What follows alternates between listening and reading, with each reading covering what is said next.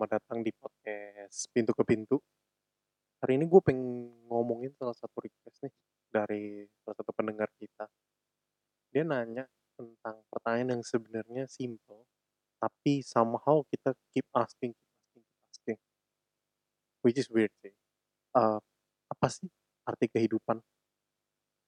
Oke, pertama-tama kayak gini ya. Kalau kita telusuri lagi dari sisi agama, manusia itu adalah sebenarnya badan yang kosong. Ya kan? Pasti kalian pernah dengar lah. Sampai akhirnya Tuhan menghembuskan nafas dan jiwa untuk kita, membuat kita menjadi lebih hidup. Itu di mana kita bisa berkomunikasi, di mana kita bisa ya melakukan semua lah, berteman, bersosialisasi dan semuanya. Uh, di satu sisi arti kehidupan itu tuh punya banyak banget sudut pandang dan perspektif. Uh, agama yang biasa mengambil paling pertama, seperti yang tadi saya sebutkan. Menurut saya yang kedua itu biasanya adalah sosial. Jadi itu uh, kultur di sekitar kita bakal mengambil, misalnya arti kehidupan, ya kan. Contoh, di masa lampau dulu, bagi kayak para pejuang, bagi para warrior, ya kan, bagi mereka arti kehidupan adalah mengabdi. Entah itu bisa mengabdi pada pemimpin, bisa mengabdi pada negara, beberapa mungkin mengabdi pada rakyat, ya kan? Artinya luas. Uh, untuk bagi beberapa orang lagi, contoh mungkin seperti businessman, pedagang, merchant, dan semuanya. Bagi mereka arti kehidupan adalah mengumpulkan, mengumpulkan pundi-pundi agar menjamin hidup enak itu bisa selama yang dia bisa. Dan beda lagi dengan para pemimpin. Mungkin para pemimpin bagi mereka arti kehidupan ya adalah posisi mereka itu. Kita sering lah lihat film-film lah kayak contoh film yang kemarin paling lagi beken ya, Crash Landing on You ya. Yang ceritanya itu tuh ada prajurit dari Korea Utara yang jatuh cinta sama orang kaya dari Korea Selatan, sama cewek kaya. Dan di Korea Utara sendiri si prajurit itu bukan orang biasa. Di situ dia adalah anak dari seorang pejabat tinggi di Korea Utara. Lalu kadang kita berpikir, kayaknya kisah hidup kita kisah cinta lah, kisah ekonomi lah, itu tuh kurang ada twist kalau tidak ada orang-orang yang sebenarnya berdampak besar bagi arti kehidupan kita. Ya kan? Menurut gua pribadi, kayak kisah Crash Landing on You itu cowoknya itu tidak akan ada gunanya kalau seandainya bapaknya itu sebenarnya ya lebih milih anak daripada posisi. Dan sebenarnya film itu tidak ada artinya kalau tidak ada posisi yang bapak bagi bapaknya itu adalah arti kehidupannya. Itu kalau menurut gua, kalau misalnya kita ambil dari salah satu film lah, contoh Crash Landing on You, ya kan. Kayak banyak lagi lah contoh kayak para artis, ya kan, bagi mereka adalah fame adalah segalanya bagi mereka. Kita udah ngeliat lah zaman sekarang banyak artis-artis tuh rela melakukan apa pun ya demi kehidupan dia. Ya artinya arti kehidupannya ya itu dia yang kamu lihat. Dan kita lihat lah idol-idol Korea yang dididik dari kecil untuk melakukan itu.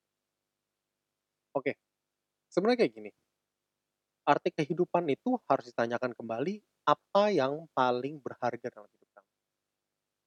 Tapi dalam paling berharga dalam hidup kamu, jelas kamu harus bisa enjoy. Tapi kenapa harus bisa enjoy? Karena sesuatu yang kamu akan jalankan seumur hidup, itulah arti kehidupan kamu. Pasti kamu pengen sesuatu yang kamu enjoy gak sih? Despite sebenarnya nggak mungkin juga kamu bakal enjoy 100%. Semua hal di dunia ada titik jenuh. Karena, uh, basically waktu manusia di dunia ini itu didasari dengan banyak hal. Ada waktu, kegiatan, tenaga, uh, psikologi, fisik, semuanya itu kita tuangkan semua dalam satu buah proses, ya semuanya itu kita tuangkan ke dalam pot yang namanya kehidupan. Nah, makanya kenapa orang kadang terkadang jenuh, karena satu aspek itu akan pasti low from the other, kalau compare. Contoh misalnya kamu hobinya olahraga. Kamu hobi bang olahraga. Seiring bertambahnya waktu, psikologi kamu akan lebih kuat, mental kamu akan lebih kuat, kamu akan lebih matang, strategi kamu, kamu akan lebih pintar based on intelligence sport. Kan? Tapi fisik kamu akan melemah, pasti. Dan ya mungkin aja kamu di usia berapa ya kamu harus stop. Ya kan? Biarpun mungkin itu adalah kehidupan dia gitu loh. Berlari lah, olahraga lah, pemain sepak bola juga begitu. Tapi itu kembali lagi ke kita. Terkadang yang namanya arti hidup itu bisa berubah seiring situasi.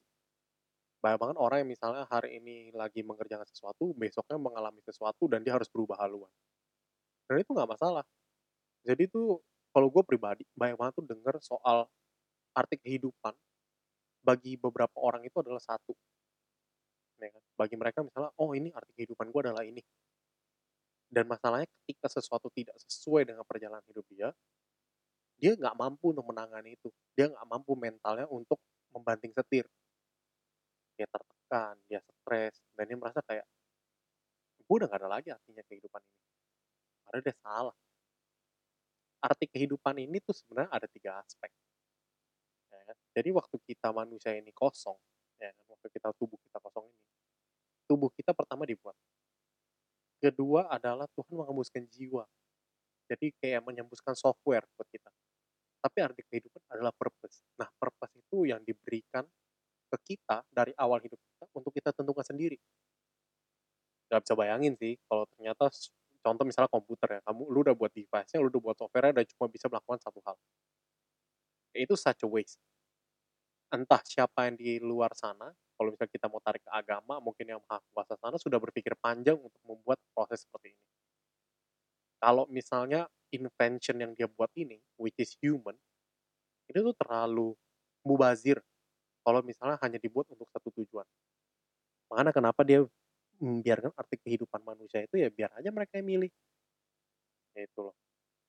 Dan satu lagi, untuk arti kehidupan sendiri, uh, untuk yang sekarang menurut gua, ya kan, di tengah quarantine day kayak gini, lagi banyak corona, menurut arti kehidupan mungkin untuk kita care satu sama lain dan mungkin beristirahat dari ambisi sih.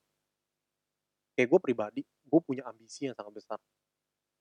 Gue pengen uh, pengen melakukan sesuatu dengan sangat cepat lah. Gue pengen mimpi gue basically itu terjadi dalam hitungan minggu, dalam hitungan bulan. Walaupun gue nggak tahu itu bakal bisa atau enggak, tapi paling nggak gue mau gue itu berusaha akan hal itu. Dan gue lebih baik gue kecewa, biarpun gue berlari menembus mau menembus nih kayak menabrak tembok kayak gitu loh. Tapi gue don't mind biarpun gue lupa gue karena gue bakal berpikir setelah gue menabrak dan gue jatuh gue merasa oh it's okay. At least I'm trying. Gitu loh. Nah untuk sekarang kalau gue pribadi arti kehidupan gue jelas berubah dulu sekarang bukan berarti hidup gue gak ada arti sekarang menurut gue hidup gue tetap ada arti. Kayak misalnya gue punya bisnis sendiri di situasi kayak gini oke. Okay, I feel like a loser to be honest. Karena gue kayak merasa bisnis gue stagnan di sini tidak bisa melakukan apa-apa tidak bisa bertambah karena kondisi seperti ini. Karena gue terisolasi gue tidak bisa mobile ya kan? Dan akhirnya ya gue cuma bisa berandai-andai. Dan dengan kayak gini otomatis target gue untuk mengejar mimpi itu ya bakal terstretch dan itu jadi beban setiap harinya jadi beban dalam pikiran kayak gue berpikir sampai kapan ini berakhir terus gimana lagi kalau gue bisa kalau gue melakukan kesalahan-kesalahan atau kegagalan di luar sana. Apakah gue masih ada waktu buat gagal setelah dibuang-buang kayak gini? Mungkin bagi beberapa orang, ah ini kan baru sebulan, ini kan baru dua bulan. Bagi beberapa orang mungkin sebulan dua bulan itu nggak masalah. Tapi sebulan dua bulan dengan attitude yang tepat, kita bisa melakukan hal yang banyak loh. Kita mungkin ngelihat semua butuh proses, semua butuh itu. Kalau gue lihat dari sebuah proses ya, yang paling lama itu adalah preparation sama after feedback sih jadi sebenarnya a whole proses tengahnya mungkin itu nggak lama karena kita akan terus mencari kan. Ya kan. Gue yakin misalnya kayak penemuan listrik dia butuh puluhan ribu step. Uh, ya tapi gue yakin beberapa step kegagalan dia itu bukan terjadi dalam hitungan bulan atau minggu gitu loh. Mungkin dalam hitungan hari dia udah melakukan kesalahan-kesalahan lagi yang udah dihitung satu step gitu loh. And which is fine gitu loh. Kesalahan kan kayak nggak diukur dari berapa kecil atau berapa gedenya. Gitu. Kadang-kadang kesalahan kecil punya dampak yang sangat besar loh. Dan kadang-kadang kesalahan besar malah lu tidak bisa melihat. Gitu. Makanya kenapa gue bilang arti hidup. Menurut gue arti hidup kalau di pribadi gue ya, setelah gue melihat seberapa antusiasnya diri gue sendiri, menurut gue adalah dengan mengumpulkan sebanyak mungkin kesalahan sih. Do a lot of error. I don't know why, tapi gue gue tetap proud kalau misalnya gue bisa one shot and success gue nggak bisa ngomong kayak kita manusia nggak pernah sekalipun kayak kayak lucky gitu loh. Kayak so lucky, lempar sekali dan langsung kena. Bisa aja gitu loh. Dan ada juga yang gitu lempar beberapa ribu kali dan bahkan ada yang kita lempar dari kita zaman dulu sampai hari ini, sebelum didapatkan, pasti ada. Arti hidup itu keep trying. Arti hidup itu adalah mengumpulkan error. Ya arti hidup itu adalah selalu berubah. Dan arti hidup itu ya memang kamu. Oke, sekian dulu dari gua. Stay safe. Thank you.